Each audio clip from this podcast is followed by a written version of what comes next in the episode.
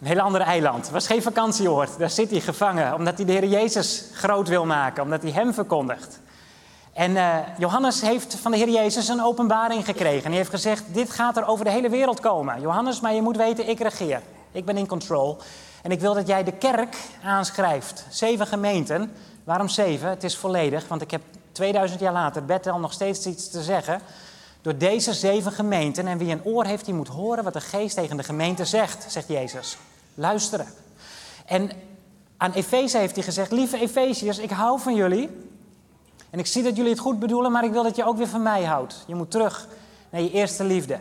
En aan Smyrna heeft hij de vorige keer geschreven, de tweede gemeente.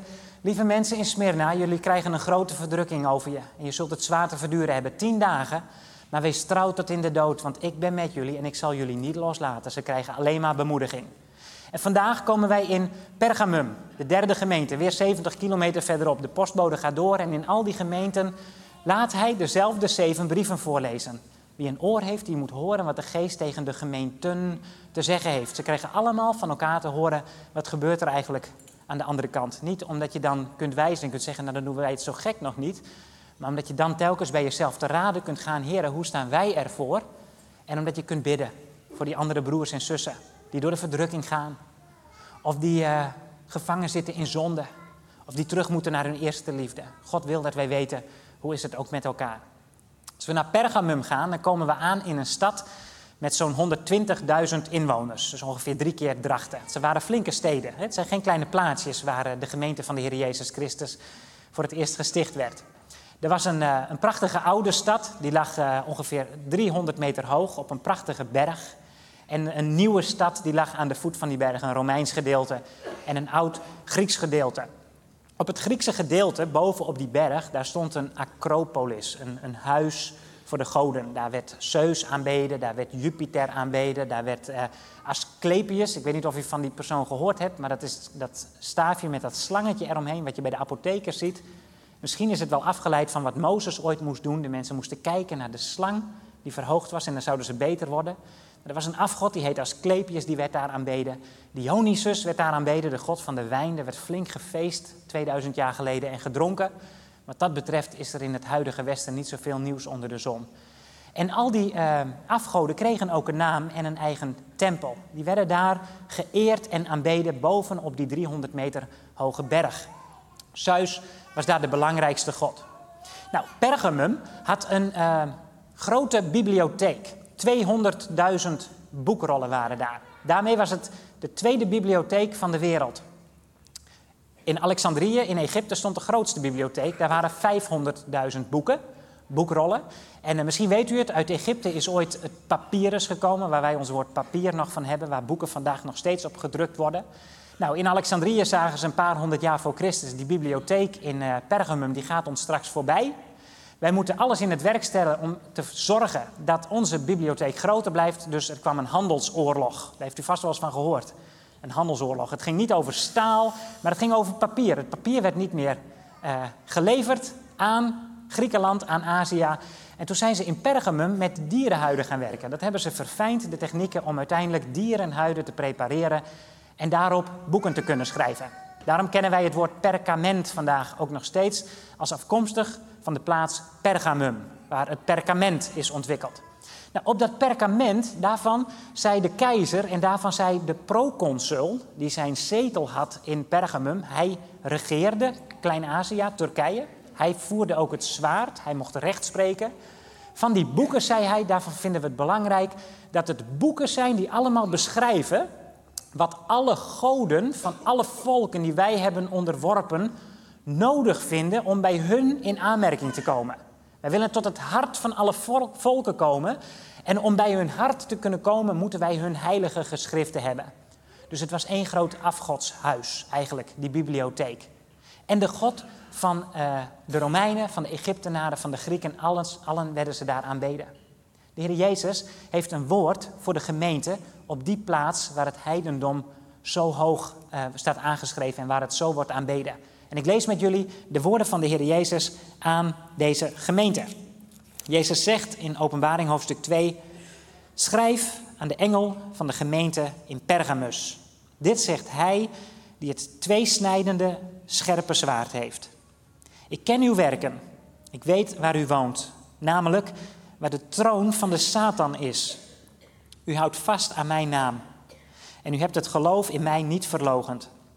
Zelfs niet in de dagen van Antipas, mijn getrouwe getuige, die gedood werd bij u, waar de Satan woont. Maar ik heb enkele dingen tegen u. Namelijk dat u daar mensen hebt die zich houden aan de leer van Bileam, die Balak leerde voor de Israëlieten een struikelblok neer te leggen, opdat zij afgodenoffers zouden eten en hoererij bedrijven. Zo hebt u er ook die zich houden aan de leer van de Nicolaïten, en dat haat ik. Bekeer u. En zo niet, dan kom ik spoedig bij u en zal ik tegen hen oorlog voeren met het zwaard van mijn mond. Wie oren heeft, laat hij horen wat de geest tegen de gemeenten zegt. Aan wie overwint, zal ik van het verborgen manna te eten geven.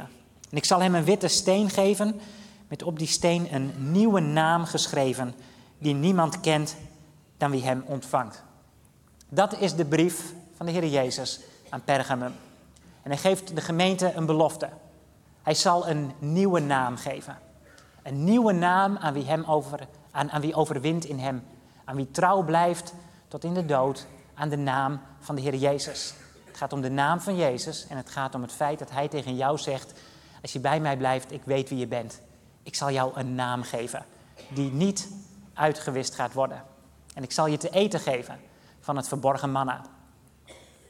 Als je hoofdstuk 1 van Openbaring er weer bij zou pakken, dan zie je dat de Heer Jezus zichzelf uh, zeer breedsprakig, breedvoerig bekend maakt aan Johannes. Hij stelt zichzelf voor en onder andere door te zeggen daar dat hij het zwaard hanteert. In de brief, zoals we die nu gelezen hebben, hebben we twee keer een zwaard zien langskomen. Jezus zegt, dit zegt hij die het tweesnijdende, scherpe zwaard heeft. Jezus laat aan Johannes, Jezus laat aan Pergamum zien, lieve Pergamummers, bij jullie staat een troon van een proconsul die het zwaard hanteert. Hij lijkt het voor het zeggen te hebben. Hij regeert Turkije, Klein-Azië, Azië zoals het toen heette. Hij regeert en hij lijkt de macht te hebben. En ik weet waar jullie wonen en dat jullie het zwaar te verduren hebben. Maar vrees niet, dit zegt hij die het tweesnijdende, scherpe zwaard hanteert. Jezus laat zien, ik ben in control. Ik zit op de troon. Er is geen proconsul van enig rijk op deze aarde die mij de baas zou kunnen. Dit zegt hij die het tweesnijdende, scherpe zwaard hanteert. En Jezus houdt de gemeente ook voor in de waarschuwing die wij gezien hebben. Ik zou dat zwaard kunnen gebruiken in de gemeente. Tegen hen die niet trouw blijven aan mijn naam. Ik hanteer het zwaard. Het is een tweesnijdend, scherp zwaard. Dat onderscheid maakt tussen geest en ziel en lichaam. Jezus spreekt zijn gemeente aan. En wat we meerdere keren zullen zien bij het lezen van deze brieven. Voordat Jezus de gemeente zegt wat er nodig is, treedt hij ze tegemoet en zegt hij: Ik ken jullie. Ik ken jullie werken. Ik weet waar jullie wonen, zegt hij. Ik weet dat jullie wonen waar Satan zijn troon heeft, waar hij woont. Ik vertelde jullie over die 300 meter hoge berg, waar een grote acropolis staat. Daar werd Zeus aanbeden. En het beeld van Zeus dat daar gemaakt werd, dat had niet een normale vorm, dat had de vorm van een grote troon. Dat zou de persoon van Zeus personificeren. Hij werd daar aanbeden en hij zou tronen op een 300 meter hoge berg. Het was het hoogste puntje dat ze konden vinden. En Jezus zegt, ik weet dat jullie daar wonen, waar Satan woont. Knoop dat in je oren. Dat Jezus, voordat hij met jou in gesprek treedt over wat er soms nodig is in je leven, eerst tegen je zegt, ik ken al je omstandigheden. Ik weet wie je bent. Ik weet wat er in je omgaat. Ik weet wat jouw verdriet is. Ik weet wat jouw zorg is. Ik weet wat jouw pijn is. Ik weet ook waar je mee worstelt. Ik weet ook wat je uitvreet. Ik weet waar je woont. Ik ken jouw omstandigheid. Ik zie je huis. Ik zie je buren. Ik zie je familie. Ik zie je collega's. Ik zie alles. Ik weet waar je bent. En lief Pergamum, dat mag Jezus zeggen. Ik prijs jullie, want jullie hebben mijn naam hoog gehouden. Hoe stond het er? Ik ken uw werken, ik weet waar u woont, namelijk waar de troon van Satan is. U houdt vast aan mijn naam en u hebt het geloof in mij niet verlogend. Zelfs niet in de dagen van Antipas, mijn trouwe getuige, die gedood werd bij u, waar de Satan woont. Jezus, die bemoedigt zijn gemeente en die zegt, jullie omstandigheden die zijn er niet na. Jullie wordt naar het leven gestaan en jullie hebben mijn naam niet gelogend. Jullie zijn vasthoudend geweest en hebben gezegd, het is Jezus Christus boven alles. Dat kan de Heer zijn gemeente hier voorhouden. En hij weet dat Satan daar woont. De omstandigheden waarin de gemeente van de Heer Jezus zich bevindt, ook die van ons, is per definitie niet een gemakkelijke.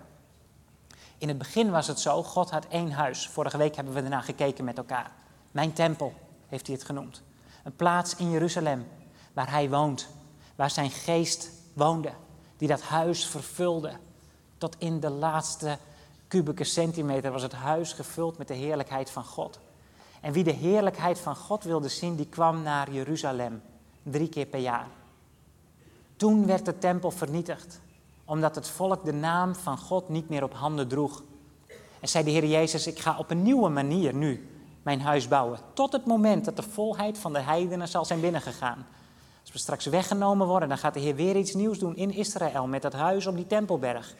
Maar tot die tijd zegt hij tegen jou en mij, nu ben jij mijn tempel. Weten we het nog? 1 Korinthe hoofdstuk 3. En jij zult zien dat waar jij erop uitgaat, mensen geconfronteerd worden met wie ik ben. Door de heiligheid van wie ik ben in jouw leven. Maar dat maakt ook dat jij op plaatsen zult komen en in steden zult wonen. Pergamum is er één van, maar Drachten is er ook één. En alle plaatsen op deze wereldbol waar ook huizen staan. En die huizen die krijgen namen. Vroeger kreeg het huis de naam van Zeus, of van Dionysus, of van Asclepius, of van Demeter, of vul ze maar in, al die goden van al die volken. Vandaag hebben wij zoveel huizen die de naam krijgen van geld, van seks en van macht, om de drie machtigste misschien maar te noemen. En alles wat in hun kielzog volgt, het zijn allemaal tempels waarvan Jezus zegt, welk van die huizen jij ook bezoekt, welke van deze aspecten in jouw leven ook misschien de overhand heeft gekregen en boven mijn naam is uitgegaan. Je kunt het het huis noemen van een andere God, maar ik weet wat het is. Het is het huis van Satan. En Satan die troont daar. En nu sta jij daar, mijn lieve zoon, mijn lieve dochter. En jij bent mijn huis. En jij mag mij verheerlijken. Wat zegt de Heer Jezus tegen zijn gemeente? Jullie hebben vastgehouden aan mijn naam. En jullie hebben je geloof in mij niet verlogend. Er is zelfs iemand omgekomen, Antipas. Hij wordt een getuige genoemd. Het Griekse woord martus, martelaar. Letterlijk komt daar vandaan het woordje getuige van de Heer Jezus. Dat betekent dat het je je leven kan kosten. Jezus, die houdt de gemeente voor. Ik heb het jullie zien doen. Jullie hebben mijn naam op handen gedragen. Wat vroeger moest, vroeger moest het volk buigen voor een Egyptische koning. En voor alle goden van Egypte. En toen God eindelijk het volk had vrijgekocht, vrijgevochten uit slavernij, en hij stelde zichzelf voor aan het volk in Exodus hoofdstuk 20 met de tien woorden. Toen was het eerste woord, het eerste gebod dat de Heere God aan zijn volk Israël voorhield. Ik ben de Heer, die jullie uit het slavenhuis heeft vrijgekocht. Die naast mij geen andere goden meer. Ik ben de Heer, die jullie heeft vrijgekocht. De Heer Jezus kijkt naar zijn volk de Heer Jezus die kijkt naar zijn gemeente. De Heer Jezus kijkt naar jouw leven. En die weet welke God jou nog parten kan spelen. Welke macht er nog kan zijn in mensenlevens. Welke zonde ons soms nog in zijn greep lijkt te hebben. En Jezus die zegt vandaag tegen jou en tegen Jacob, tegen mij. Ik ben de Heer die jou heeft vrijgekocht uit het slavenhuis. Het kan lijken alsof je die ander moet dienen. Zoals het voor de mensen in Pergamum, zullen we zien, heel verleidelijk werd om ook andere goden te aanbidden. Om te zeggen, ik kan toch en hier en daar van beide genieten. Maar de Heer zegt, ik wil niet meer dat jij knielt voor andere goden. Ik wil niet meer dat jij gebukt gaat onder een slavenjuk, want ze zullen het allemaal van je eisen. Maar ik ben de Heer, jouw God, die jou uit het slavenhuis heeft geleid. Jezus heeft ons vrijgevochten. En als hij vervolgens aan zijn volk voorhoudt, draag geen andere goden. Ga voor hen niet op je knieën Weet je, wat moet je met Zeus doen? Die moet je tillen. De Baal moest je tillen. De Asherah-paal die moest je tillen. Dat waren allemaal goden. Die konden niet lopen. Dat kunnen ze nog niet. Er zitten geestelijke machten achter. Satanische machten. Maar de beelden zoals ze aanbeden werden, die moesten gedragen worden. En God zegt, alsjeblieft, hou daarmee op. Het kost je je rug en het kost je je leven. Laat mij voortaan jou dragen. Ik draag jou. Jij hoeft mij niet te dragen. Eén ding vraag ik je. In jouw leven zou je mijn naam willen dragen. Zou je mijn naam op handen willen dragen. En zou je in jouw leven willen kijken, Heer, welke God in mijn leven zou groter willen worden dan wie u bent? En waar sta ik hem toe? En waar wordt hij aan me opgedrongen? En Heere God, alstublieft, spaar mij voor mezelf en breekt u mij af. Het is een terugkerend gebed in mijn leven. Breek mij af, Heere. Verwijder al het oude uit mijn hart. Heere, laat alleen uw naam gezien worden in het leven van uw kind. En de Heer Jezus zegt, zou je dat willen doen? Zou je mijn naam niet willen logenen door geen compromissen te sluiten met de wereld? Want weet je, Zeus die zal je verraden. En jouw zonde zal je verraden. Die machten van geld, seks en macht, ik noemde de drie, ze zullen je verraden. Alhoewel ze je nu doen denken, dit is het leven, zullen ze je straks een mes in de rug steken. En er blijft niets van ze over. Jezus zegt, draag mij op handen. Wil je mij uitdragen?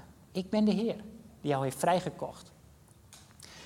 Wat zegt Jezus tegen de gemeente? Ik heb enkele dingen tegen u, Pergamum.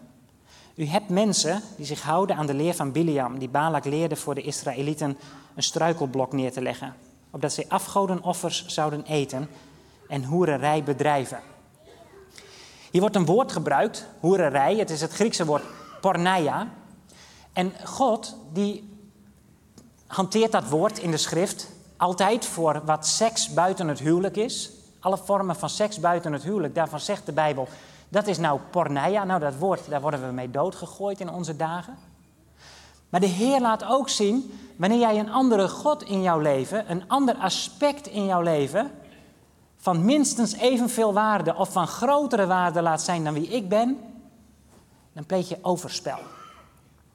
Dat, houdt het, dat krijgt het volk Israël ook steeds te horen van de Heere God. Op het moment dat ze naast God ook menen de Baal en de Astarte en Asherah en al die goden te kunnen aanbidden, dan zegt God, jullie gaan vreemd. Jullie bedriegen mij.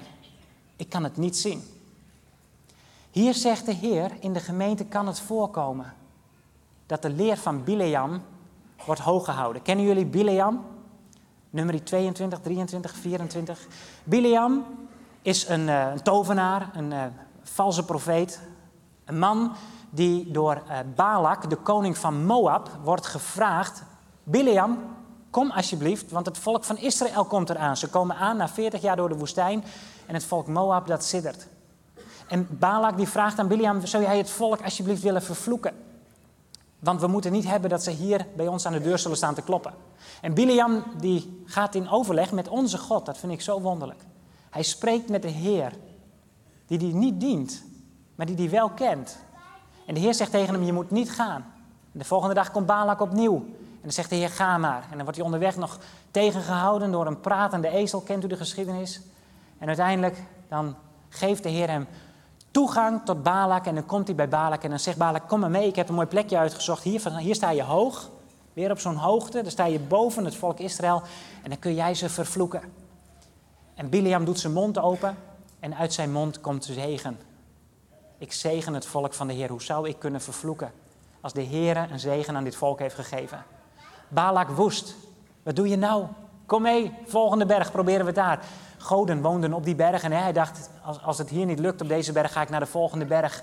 Biliam gaat mee naar de berg. Wij hebben de God die hemel en aarde heeft gemaakt. Dus ook op die berg komt uit Biliams mond op het moment dat hij een vervloeking wil uitspreken, een zegen van heb ik jou daar. Nog een keer, drie keer wordt het volk door Biliam gezegend. Knoop in je oren, de Heer Jezus die zegent jou.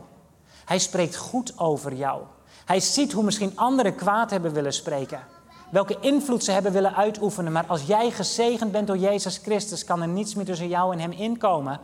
En dan zegt hij, wie ik gezegend heb, die zal niet vervloekt zijn. Wat mensen ook hebben uitgesproken, wat machten in jouw leven ook te werk zouden willen brengen. Jezus spreekt goed over jou. Maar wat gebeurt er? Omdat het hem niet lukt om het volk te vervloeken, daagt die Balak uit. Confronteer ze maar met jouw meisjes, met die Moabitische vrouwen. En de mannen, ze gaan voor de bijl. Ze duiken met de vrouwen van de Moabieten en samen met die vrouwen met hun afgoden in de koffer. En er wordt overspel gepleegd, zowel seksueel als afgoderij. En het kost 24.000 Israëlieten het leven. Jezus kijkt naar Pergamum en die zegt: Pergamum, ik moet jullie liefdevol fileren. Er zijn er die de leer van Biliam aanhangen. Er zijn er die afgoden dienen. Er zijn er die tegen zonde niet meer zonde zeggen, maar moet kunnen. Er zijn er, elk handelsgilde had zijn eigen vakbond en die moesten hun eigen God aanbidden door offers te brengen als je betrokken wilde blijven bij jouw vakgroep. Er zijn er die gerust op zondagochtend met hun handen in de hoogte zeggen: Jezus is Heer. En die op maandag naar hun werk gaan en zeggen: En Zeus is het ook. En ik eet een hapje mee van het vlees dat aan afgoden is geofferd. En Jezus zegt: Het kan niet bestaan. Je kunt niet zeggen dat ik Heer ben en dat ik je heb vrijgekocht uit slavernij en tegelijk teruggaan onder het oude juk. Bekeer je. Bekeer je hiervan. Waarom belooft de Heer Jezus dat wie dat zal doen, dat hij zal te eten krijgen van het verborgen manna? Omdat Jezus weet ten diepste, als je mij volgt, het kan je je baan kosten.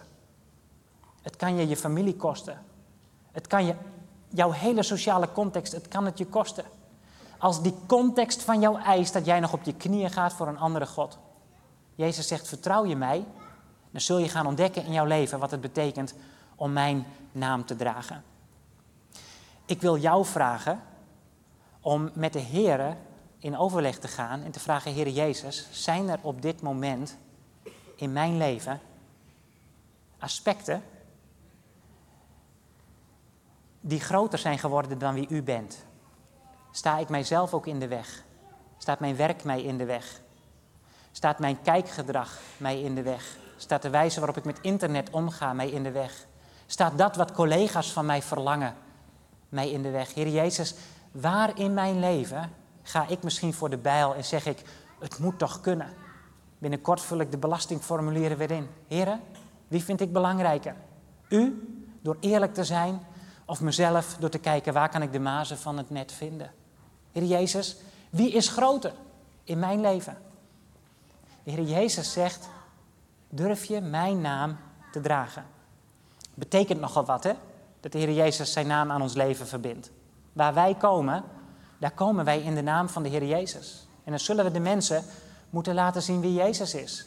En elke keer dat het ons niet lukt, elke keer dat wij compromissen sluiten, dat wij de waarheid geweld aan doen, wordt de naam van de Heer Jezus te grabbel gegooid.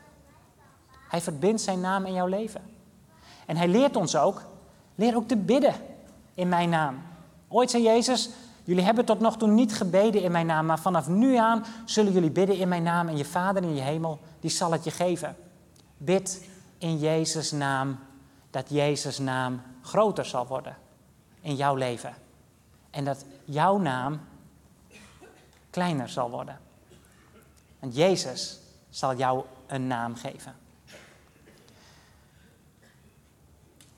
Als we dat kunnen doen, en we kunnen in ons eigen leven te raden gaan bij de Heer, Heer Jezus, waar mag ik verder heiligen? Waar mag ik verder mezelf voorbereiden op de dag dat u komt?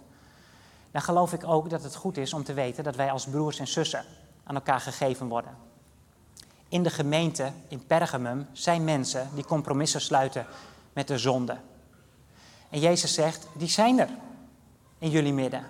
En als jullie je niet bekeren, dan kom ik en dan ga ik het doen. Maar lieve broers en zussen, de Heer geeft ons aan elkaar. En ik hoop dat je op een kring zit. Dat je mensen kent om jou heen in de gemeente. Met wie je hebt kunnen groeien in vertrouwen. Die je hebt kunnen gaan leren liefhebben. Door lief en door leed. Met lek en gebrek. Dat je ook niet afgehaakt bent op het moment dat je teleurgesteld raakt in mensen. Want dat gebeurt per definitie. Dat je gezegd hebt, ik ga toch door, want de Heer Jezus woont in mijn hart. Want als je een vertrouwensband hebt met elkaar als broers en zussen, als mensen die van elkaar houden, dan komt het ook zo ver dat je op een gegeven moment, wanneer iemand zondigt, niet meer zegt: joh, ik zeg het maar niet, want ik durf het eigenlijk niet. Of ehm, we moeten er maar aan voorbij gaan, want we hoeven niet te oordelen. Nee, dat zegt de Heer Jezus niet. We moeten juist elkaar bemoedigen en zeggen: joh, uh, luister, ik hou van je, maar ik zie dat je op een doodspoor zit. Je bent bezig met zonde, met een zondige weg. En ik ben bij de Heer geweest en ik zie dat ik een balk in mijn eigen oog kan hebben en gehad heb.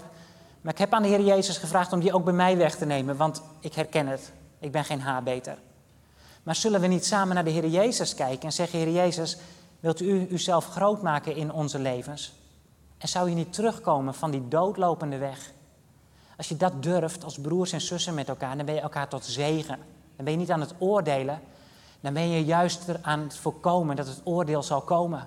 Want komen zal het als Jezus komt en zegt, dan moet ik het zelf doen. Bemoedig elkaar om de naam van de Heer Jezus uit te dragen. Bemoedig elkaar om te stoppen met wat oud is. Om op de knieën te gaan voor wat vroeger was. Leer elkaar kennen in Jezus' naam. En ga samen zeggen, zullen we Jezus niet boven alles plaatsen? Pergamum, Bethel. Ik wil met jullie nog een tekst uit Filippenzen hoofdstuk 2 lezen, waarin Paulus ons op een prachtige manier schildert wat dit voor de Heer Jezus heeft betekend. In Filippenzen 2, als we het hebben over het mogen spreken met elkaar, ook over tere punten in ons leven, daar schrijft Paulus, doe dat in de volgende gezindheid.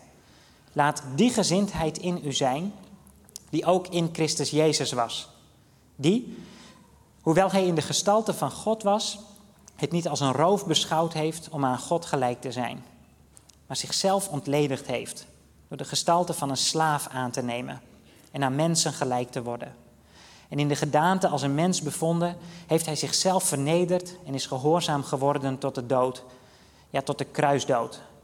Daarom heeft God hem ook boven mate verhoogd en hem een naam geschonken boven alle naam. Opdat in de naam van Jezus zich zou buigen elke knie van hen die in de hemel en die op de aarde en die onder de aarde zijn. En elke tong zou beleiden dat Jezus Christus de Heere is, tot heerlijkheid van God de Vader. Laat die gezindheid zijn in jouw hart, zoals Jezus Christus die heeft.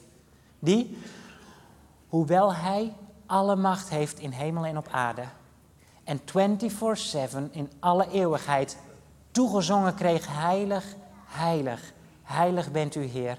Zoals wij het met elkaar net gedaan hebben, zei, ik zal, als het zou betekenen dat ik jou niet kon redden, dat niet vasthouden. Maar ik doe er afstand van. Ik word de allerminste, ik leg mijn naam af. Ik word een mens. En als mens word ik een slaaf. En als slaaf word ik gekruisigd als de ergste crimineel.